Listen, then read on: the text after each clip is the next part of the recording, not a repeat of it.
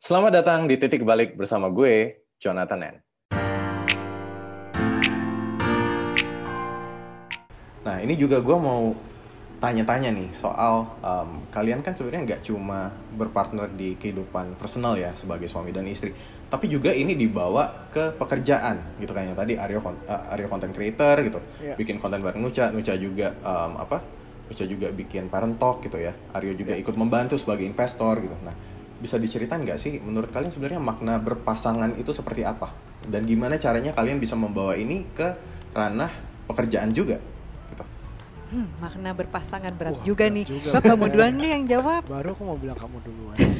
um, makna berpasangan. Gue gue tuh mengingat lagi zaman-zaman gue kayak baru baru divorce dan merasa kayaknya nggak perlu berpasangan. Kayaknya ngapain sih uh, apa sih punya pasangan tuh buat nemenin lo di saat hari tua itu? Ya lo panti jompo aja rame-rame tuh banyak orang temen segala macam. Itu pikiran gue sempat kayak gitu. Ngapain? Cewek banyak banyakan cewek daripada cowok. Kita gonta-ganti aja. Dulu tuh sempat mikirnya kayak gitu. Tapi uh, eh, gue jalanin ya kayaknya um, gue tuh ya selain karena ekstrovert mungkin salah satunya tapi nggak ngerasa bisa belajar sendiri. Gue tuh yeah. emang bentuknya dari dulu tuh belajar kayak buku aja gue lebih susah lebih lebih gampang belajar hanya orang uh, ngobrol belajar diajarin langsung atau atau film dokumenter atau sekarang podcast. Itu lebih masuk daripada daripada menyendiri baca buku. Gak cocok aja buat gue. Hmm. dan gue adalah ini sekarang ternyata berpasangan itu adalah pembelajaran paling paling gokil sih. Apalagi hmm. dengan adanya anak gitu gue nggak nyangka setiap hari itu ada pelajaran yang uh, ya mungkin nggak setiap hari ya terlalu lebay kali ya. Um, apa namanya setiap bulannya setiap tahunnya tuh ada pelajaran besar banget. Kayak um, gimana itu berpasangan dan gimana itu menjadi orang tua. Gimana orang tua itu akhirnya kayak terakhir banget aja. Kayak gue nggak ngejalanin Ramadan yang sama anak yang baru belajar mulai puasa. Hmm. oh ternyata uh, dia yang kayak ngajarin gue uh, sebelumnya adalah uh, dia ngajarin gue untuk kayak sholat, ingetin lagi untuk berpuasa yang benar, puasa itu nggak boleh marah-marah, bla bla bla itu dia dia yang kayak ngingetin. Padahal di sekolahnya nggak ngajarin, padahal itu kata-kata kita juga gitu. Kayak dibalikin lagi, diingetin lagi. Oh oke, okay, so I need someone to learn gitu, to learn from and to learn with. Sama kayak sebelumnya juga menikah sama Nucha tuh banyak banget pelajaran. Oh ternyata gue berubah ya dengan sama dia, emosi gue lebih bisa gue kontrol. Kita sempat belajar waktu trying to conceive juga belajar banyak. Gimana caranya um, kita hidup lebih sehat bareng. Kita lari yoga makan sehat segala macam. Tuh ternyata kalau bareng tuh lebih gampang dilakuin. Kalau bareng itu bisa saling menolong saling mendukung segala macam. Sampai uh, gimana caranya kita sekarang kerja bareng. Ternyata um, kayak kayak hari ini aja gue kayak ngerasa uh, ini nggak benar nih kerjaan nih harus begini begini, begini. aku sih nggak marah tapi kan ini bisa sensitif terus Nuja dengan tenangnya bilang ya kamu tuh tapi teror lagi oh, iya ya oh oke okay. oke okay, ya udah berarti yang gue pikir selama ini yang gue lakukan benar as in uh, menurut orang itu marah-marah atau teror tapi menurut gue adalah just stating the right thing persifmennya tuh bisa beda dan itu gue belajar dari Nucha. So berpasangan menurut gue adalah uh, pembelajaran berikutnya dan kayak ada oh. orang di situ yang kenal sama lu juga dan bisa yeah. ngasih masukan yang tepat juga ya iya dan dipercaya nggak akan bocorin ke orang lain dan gitu-gitu right. Iya, aku hampir sama sih sebenarnya. Um, ah, kan aku duluan kamu contek. enggak, enggak, enggak, enggak, enggak. Tapi aku mau kasih versi yang lebih ada wisdomnya lah. Oh gitu ya. Oh okay, fine. So you're saying ini tuh gitu. biar di quote gitu loh, oh, iya, quote, biar quote, bagus masuk quote quote gitu kan, tuh, dipotong. Content creator tuh siapa? Sok-sok nggak bisa. Jadi kalau kalau ditanya makna berpasangan, aku apa googling dulu makna berpasangan gimana ya Bapak ya? Gak ada. Gak, gak. Tapi uh, kita kita kita merasa sih begitu udah bikin konten bareng ya saat ini justru baru bisa memaknai oh ternyata hubungan uh, kita ini nih benar yang namanya partnership gitu karena hmm. begitu nikah uh, Aryo tuh nggak pernah ada larangan-larangan buat gue berkarya buat kerja buat ini buat itu tuh nggak ada gitu ya jadi uh, partnership memang layaknya partner uh, layaknya partner kita punya suara yang sama 50% 50% walaupun kalau di dalam rumah tangga ya nggak harus 50 se, se ini ya se apa nih namanya tergantung bedanya tergantung apa, porsinya aja, betul A, gitu. ya jadi memang uh, hubungan kita bisa kita gambarkan sebagai partnership uh, benar-benar punya hak yang sama untuk bersuara jadi nggak ada nggak enakan dan kita sama-sama punya kebebasan misalnya mau pergi mau eh, aku mau ngambil lagi nih course ini aku pengen ini pengen itu itu tuh semua bisa kita lakukan gitu Ya. kayak walaupun ada anak anak nggak kita jadikan sebagai penghambat gitu kayak misalnya aku sekarang lagi ada course terus aku lagi eh, apa jadi salah satu advokat untuk G20 itu kan juga kesibukannya lumayan tuh di luar yang hari-hari biasa dan Aryo tuh bisa menghandle anak-anak gitu untuk Hmm. aku berkembang tuh kayaknya dia approve aja gitu. Kecuali menurut dia kamu udah sibuk banget sih. Oke oke. Kalau gitu waktunya aku ngerem nih. Tapi nggak ada dari Aryo yang ngerasa "Eh, kamu udah ya nggak usah gitu-gitu lagi nggak usah macam-macam kamu di rumah aja ngurus anak-anak kayak Hmm. gitu tuh nggak ada sama sekali gitu. Jadi ngerasa banget bahwa eh, ini adalah yang namanya partnership. Kita bebas untuk melakukan hal-hal yang bikin mengaktualisasikan diri kita yang bikin kita lebih bertumbuh tanpa ada rasa bete, marah atau justru jadi konflik gitu nggak ada Ya. sih so far. Terus kita juga ngerasa bahwa eh, dalam berpasangan ini nih aku dan Aryo kita sama-sama mengeluarkan yang paling bagus versinya dari diri kita masing-masing. Jadi kayak Right. tadi Aryo bilang, kok gue jadi nggak nggak sensian lagi ya, kok gue nggak marah-marah gitu ya. Terus sebaliknya ke aku juga kayak gitu. Ya walaupun misalnya Aryo masih ada lah orangnya teror gitu kan, tapi aku nyampein aja, lo teror banget sih gitu, nggak usah gitu-gitu banget gitu. Nanti dia paling bete sendiri, kamu nih gini suka ngerasa nggak di, kok kamu nggak di side aku sih, kamu nggak di sisi aku gitu. Ya gimana? Soalnya masalahnya sebenarnya cuma kayak gini, aku jelasin gitu kan. Hmm. Nanti dia baru diem nanti iya juga paling gitu tapi nggak tahu sih kalau dalam hatinya bete cuman nggak pernah kayak eh, aduh lu nyebelin banget ya gitu. Gitu nggak sih gitu. Jadi kayaknya justru mengeluarkan yang terbaik dari kita masing-masing gitu. Sama kerasa sih ada ada growthnya antara kita berdua yang tadinya aku anak kantoran banget. Aduh itu tuh udah paling apa namanya safety net aku lah gitu di situ. Eh, jadi sampai berpikir kalau nanti gue punya anak kantor mana lagi ya yang mau mau terima gue dengan jam yang gue nggak mau ah jam kantor yang harus lembur-lembur gitu ogah gitu kan. Gue pengennya sama anak gue tapi gue pengen kerja. Sampai akhirnya yaudah deh bikin sendiri aja nih parent talk ini dengan pace kerja sendiri dengan ya udah sehari-hari sekarang udah kebentuk pattern kerjanya seperti apa dan justru ngerasa Aryo yang udah duluan di dunia eh, content creator ini justru oh kita ngobrol jadi nyambung ya gitu misalnya ngomongin yang tadinya nggak ngerti nih engagement rate apaan sih gitu kan kita jadi ngerti gitu terus bahasan-bahasan yang ada kerjaan misalnya agency ini eh kok di agency ini kayak gini-gini ya gitu aku Apa? suka Nggak jadi bayar, nggak bayar. Tahu tuh, tahu tuh, aku tahu. John ngerti John. terus ada apalah gitu. Jadi isu-isu seputar digital agency terus apalagi ya eh, social life dan pertemanan yang ada di dunia pekerjaan ini kita jadi nyambung banget jadi klik gitu. Yang tadinya kalau Arya ngomong ya misalnya dia nih dikirim ke New York gitu mau Hmm. ada launching apa aku tuh nggak ngerti sama sekali itu apaan sih? Ngapain lagi ke sana jauh-jauh? gitu kan. Iya. Aryo cerita iya itu tuh handphonenya kayak gini-gini. Ya udah handphone aku percaya nggak? Aku tuh nggak pernah beli handphone handphone suka paling sering adalah limpahan dari Aryo gitu. Karena aku pikir ya udah deh orang masih baik-baik aja ngapain juga beli lagi gitu kan. Ya. jadi hal-hal seperti itu tapi jadinya sekarang nyambung banget. Kita mau ngomongin siapa gitu yang di sosial media itu nyambung sama Aryo aku lihat lagi kemarin. nyambung. gitu jadi nggak nggak ada gap banget gitu kecuali mungkin sama kerjaan Aryo untuk yang di bidang kargonya. Nah itu ada gap tuh karena Aryo juga masih ada di bidang kargo kan itu yang ada gap. Tapi untuk urusan yang lain eh, aku sih senang banget ya jadi kita jadi temen ngobrol yang nyambung bukan cuma soal urusan anak dan rumah tapi soal kerjaan tentang Network. network eh, terus investment atau apa Iya, gitu iya. jadi nyambung gitu kayak teman aja sehari-hari gitu Right, right.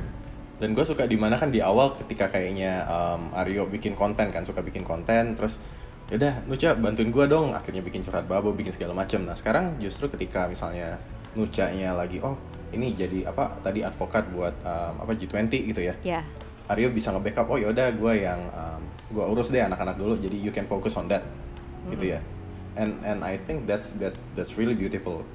Mengingatkan ya Indonesia di mana apa kayak Iya. masih banyak juga yang udah lo diem aja di rumah biar Ini diem yang aja di rumah segala macam sedikit bangga sama parent talk sih sebenarnya. Um, jadi jadi tujuan salah satu if I may eh, correct me if I'm wrong. Jadi Mhm. kalau misalnya kalau gue boleh bilang bahwa parent talk itu dari awal salah satu dari values-nya adalah uh, barengan.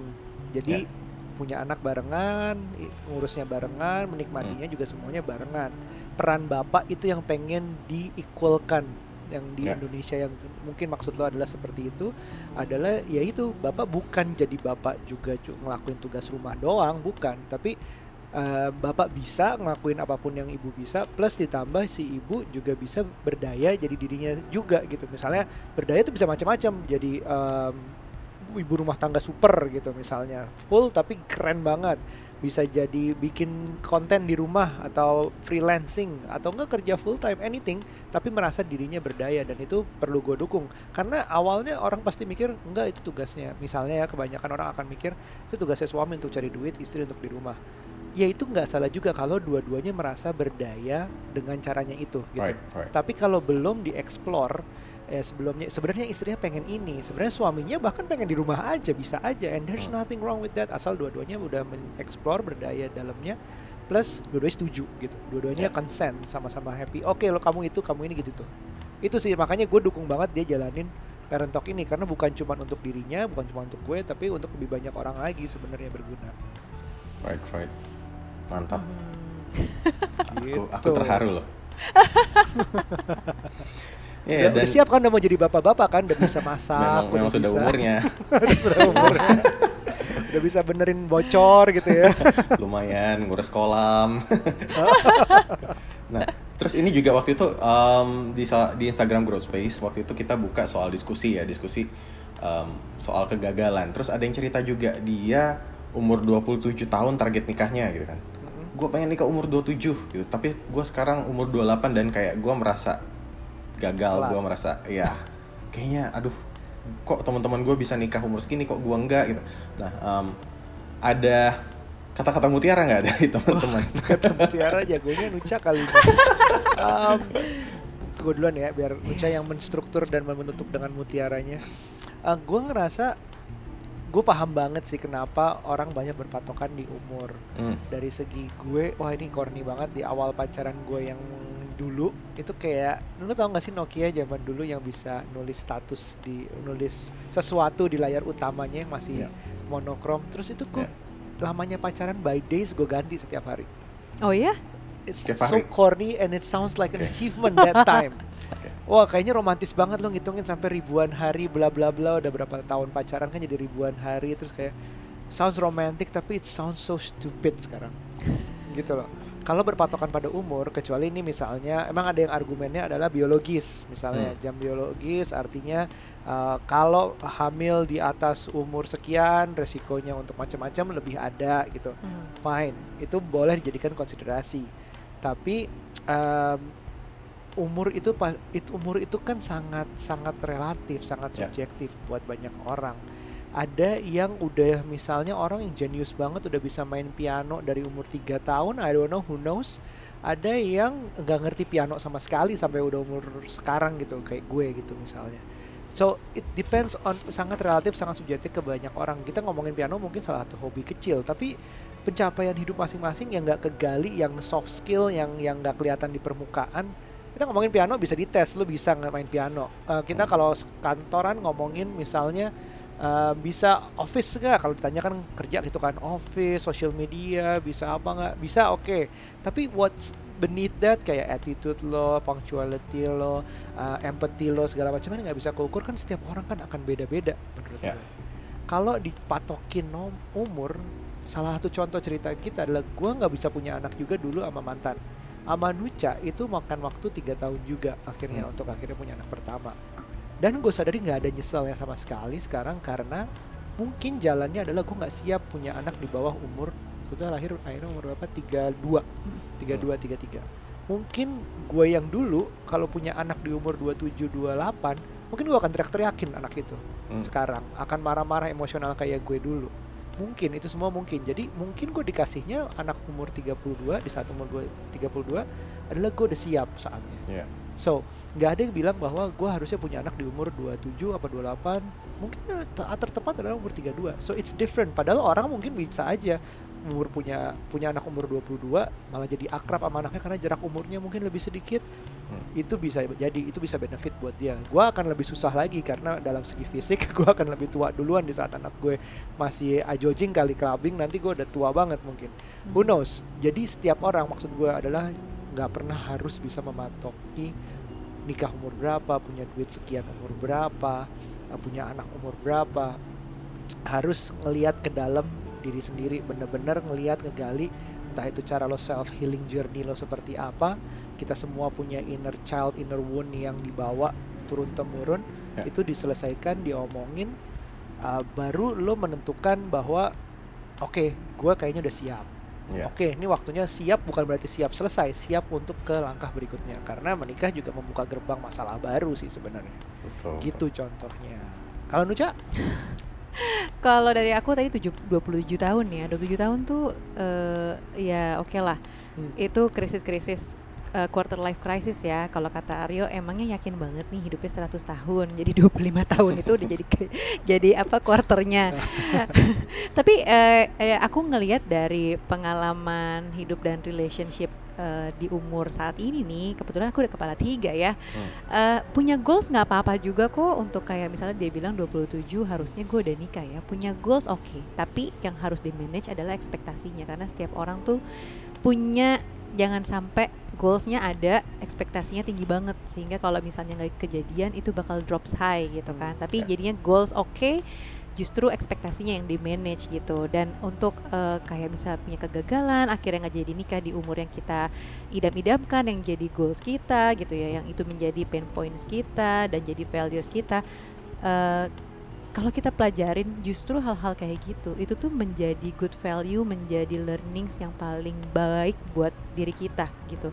Kayak kita gag- aku gagal nikah Aryo gagal berumah tangga pertama kali justru bikin kehidupan kita setelahnya itu tuh jauh lebih baik gitu. Jadi kita mempelajari kita bisa menjadi orang di luar diri kita saat ini. Jadi kita bisa ngelihat diri kita dari sisi kedua gitu alias dari depan kita oh Nucha tuh dulu kayak gini gini gini ya. Atau justru Aryo bisa ngelihat oh dari depannya Aryo nih dulu Aryo lo tuh kayak gini gini orangnya gitu. Ternyata kita banyak belajar tentang diri kita ketika kita tuh justru udah gagal gitu. Kalau kita lagi happy happy aja mana kelihatan sih diri kita gitu kan. Justru kelihatannya happy happy aja bagus bagus gitu. Tapi begitu gagal baru deh kita bisa kayak berkaca refleksi. Justru kita justru lebih mengenal diri kita pada saat kita lagi drop-dropnya lagi turun-turunnya lagi gagal-gagalnya gitu. Jadi mungkin eh, kalau 27 tahun gagal eh, nggak apa-apa untuk punya goals untuk di tahun berikutnya. Misalnya ya udah deh 30 tahun mudah-mudahan hidup gue lebih baik lagi. Mungkin udah punya pasangan punya pekerjaan lebih baik dan kehidupan yang lebih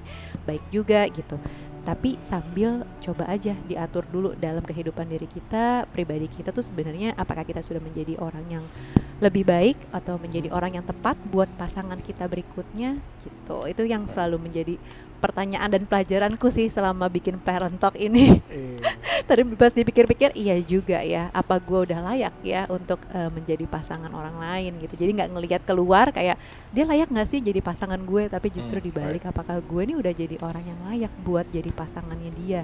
Ya. gitu. Karena kalau ketika menikah ketika dalam pernikahan tuh yang dilihat bukan lagi tentang dia dia terus ah dia yang salah nih ah dia nih yang nggak benar gitu. Tapi adalah diri kita sendiri Right. gitu Right. Jadi gimana caranya kita juga belajar ya kegagalan uh, kegagalan hidup itu hal yang normal dan sering terjadi lah. Gak cuma dalam hal relationship, mungkin juga kayak bisnis atau masak kue juga bisa gagal gitu kan. iya ya betul betul. Right. Tapi gimana why- caranya? Nah, That's why we love to share it gitu. Jadi Ya. um, bukan bukan uh, cari simpati, tapi lebih ke arah oke kita share sesuatu yang memang udah lewatin, tapi yang menjadi kayak pembelajaran kita gitu. right. Right. Um, struggling tiga tahunan untuk punya anak itu ngasih kita pelajaran banyak banget banyak banget. Eh, susahnya setiap bulan nangis nangis ngeliat begitu ngelihat tespek itu kerasa eh, gimana rasanya ditanyain orang itu kerasa. Tapi ujung-ujungnya kayak tadi yang gue bilang mungkin gue pantasnya punya anak umur segini satu.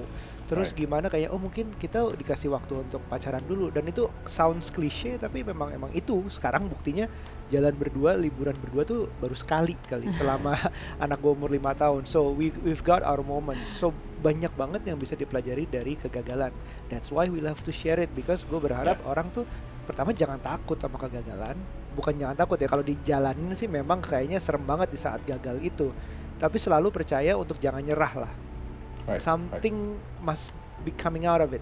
Ada sesuatu pasti, entah itu kapan, pasti ada sesuatu yang harus harus kita jadi pembelajaran. Belum tahu apa saat itu, pasti dijalaninnya berat banget, tapi keep walking karena ada sesuatu pasti di ujungnya. Gitu aja sih Yeah. makanya kita tetap share itu kegagalan bahwa kita nggak sempurna kita gagal juga dan kita belajar Mhm. Ya. Itu poin bagus bahwa semua orang punya timelinenya ya. Ya umur Betul. 27 mungkin lo belum punya anak, oh mungkin memang harus menyiapkan eh, kondisi mental dulu, psikologis dulu biar nanti lebih siap baru ketika anaknya ada juga em, apa ya? Kitanya juga jadi bisa menjadi orang tua yang baik lah ya. betul Right, right, setuju Oke, sebelum kita menutup sesi perbincangan kali ini, Mhm. ada tips dan trik nggak gimana caranya supaya hubungan tetap harmonis? waduh Apalagi Kalau- tadi kan suka kayaknya ada berantem-berantem kecil. Ya ya ya. Kalau gue teknisnya mungkin ya um, hal-hal yang perlu um, diusahakan adalah sebenarnya date night. Um, Right. it- itu itu itu agak agak penting. Sekarang sih kita kita nggak segitu gampang ya karena pandemi satu um, mau keluar juga mikir ke mana, uh, kasihan anak-anak nggak sekolah juga segala macam. Itu kita kita banyak pikirin juga secara Hmm. teknisnya. Tapi night itu penting. Kadang-kadang kita colongan akhirnya. Terakhir kita date night karena nemenin Nuca um, acara G20-nya misalnya. Ya udah kita makan dulu colongan sebelum mumpung lagi di luar. Atau enggak kadang kemarin kita mau uh, swap pernah lah. Karena pengen swap ya udah sekalian yuk ngopi dulu bentar. Uh, lagi dapat izin dari anak hal kayak gitu tapi di, di dirutinkan sebisa mungkin. Uh, terus itu teknisnya. Kedua juga tambahannya kalau bisa sih uh, marriage counseling. Yang walaupun tanpa masalah tetap dilakukan. Atau marriage Right. workshop deh. Ada yang bentuknya kayak oh kita ada pembelajaran baru. Kayak kemarin kita belajar tentang uh, imago dialog. Kita belajar tentang apalagi kemarin pokoknya ada meditasinya ada macam-macam. Yang kayak kalau lo sama physical itu medical check up lah. Cuman Right. ini marital check up dilakukannya jangan setiap kali berantem jangan setiap minggu juga. Jadi kayak setengah tahun sekali setahun sekali dua tahun sekali at least something that all um, harus sadar aja biar membumikan bahwa uh, ada nggak sih yang salah sama kita? Mungkin kita terlalu distant mungkin kita terlalu happy. Wah terlalu apa itu Ya. harus kayak tetap ada sih menurut gua. Itu mungkin teknisnya. Tapi tips and triknya uh, to overall sih you gotta you- lo harus ngeliat diri sendiri sih.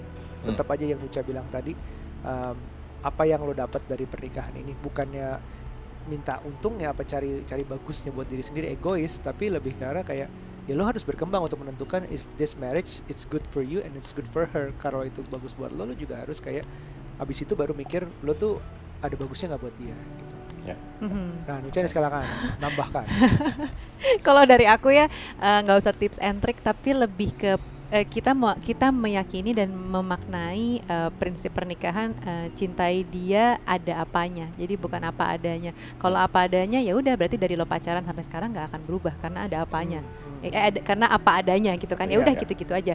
Sementara prinsip kita dari awal adalah cintailah eh, pasangan kita ada apanya gitu. Jadi ada sesuatu yang bikin kita selalu look up gitu sama dia. Kalau misal dan kelihatan sekali kan kalau mereka eh, dia bertumbuh gitu. Oh dia tuh sekarang lebih apa lebih apa lebih apa. Itu tuh membuat kita eh, adore dan ada look up dan perasaan respect ada gitu. Jadi sehingga bikin hubungan tuh justru jauh lebih menyenangkan, lebih ada excitementnya karena kadang-kadang pernikahan udah cukup lama excitementnya eh, menurun ya gitu kan. Dan kalau ada apanya itu justru yang bikin eh, kita lebih alive gitu hubungan kita lebih menarik kita ngobrol juga lebih menyenangkan. Dan eh, kayaknya untuk mungkin eh, apa namanya relationship tips kita itu aja deh Iya karena kalau yang orang kenapa orang ngomong apa adanya tuh mungkin di the later level gitu di saat gue tiba-tiba bangkrut ya kamu tetap mencintai aku apa adanya dong kita nggak punya apa-apa atau kita tiba-tiba gitu. jatuh sakit itu oke tetap mencintai apa adanya cuman kalau dari awal ditentukan apa adanya ya Hmm. kurang sih ada apanya dulu Hmm. baru apa adanya Hmm. It- Itu satu perspektif yang menarik. Oke oke, gue baru dapet tuh. oke kita ulang lagi berarti podcast. Oke oke. Um, anyway, thank you banget buat Nucha dan Aryo. Ini um, selain tadi ya pesan-pesan kata mutiara terakhir juga dari awal kayaknya banyak banget yang bisa dipelajari dari kisah hidup kalian. Gimana caranya yang tadi um, Aryo mungkin bisa mendapatkan apa ya bisa mendapatkan uh, the better half-nya di Nucha gitu gimana kalian bisa saling empowering gitu bahkan sampai kerja bareng juga um, bisa saling support satu sama lain gitu ya. Um, dan juga ini mungkin bisa jadi uh, contoh juga buat teman-teman gitu. Kalau misalnya kalian sekarang sedang down gitu in a in a relationship yang mungkin yang nggak berjalan mulus atau mungkin gagal gitu tenang kegagalan itu doesn't define your future. Itu masih bisa diusahakan selama ya kitanya juga mau bangkit lagi dan move on gitu ya. Dan gimana caranya kita evaluasi banyak belajar tentang diri kita dari kegagalan yang sudah ada gitu ya thank Siap, you banget betul. buat Nucha dan Aryo Terima kasih Terima kasih John banyak, udah diajak teman-teman. ngobrol Ya. dan terima kasih juga teman-teman di Grow Space. ya buat teman-teman juga jangan lupa nonton curhat babu dengerin pak kita Dengerin. belum oh, sorry. video Kita nggak pakai Dengerin, lupa, video. lupa. Aku lupa. Dengerin Review-review babu podcast. di YouTube. Ya, ada review babu dan juga ada curhat babu di podcastnya dan juga follow juga Instagramnya Nucha, um, Nucha Bahri dan juga Aryo Segario di Instagram. Um, Aryo juga suka review-review soal tech di YouTube dan kalau misalnya kalian beruntung bisa lihat ada orang-orang yang biasanya haters-haters Aryo juga ada di situ. seru ya terus gue ya Ya. Oke, thank you banget ya. Terima kasih Thank you, teman-teman. Thank you ya. Sehat-sehat terus ya.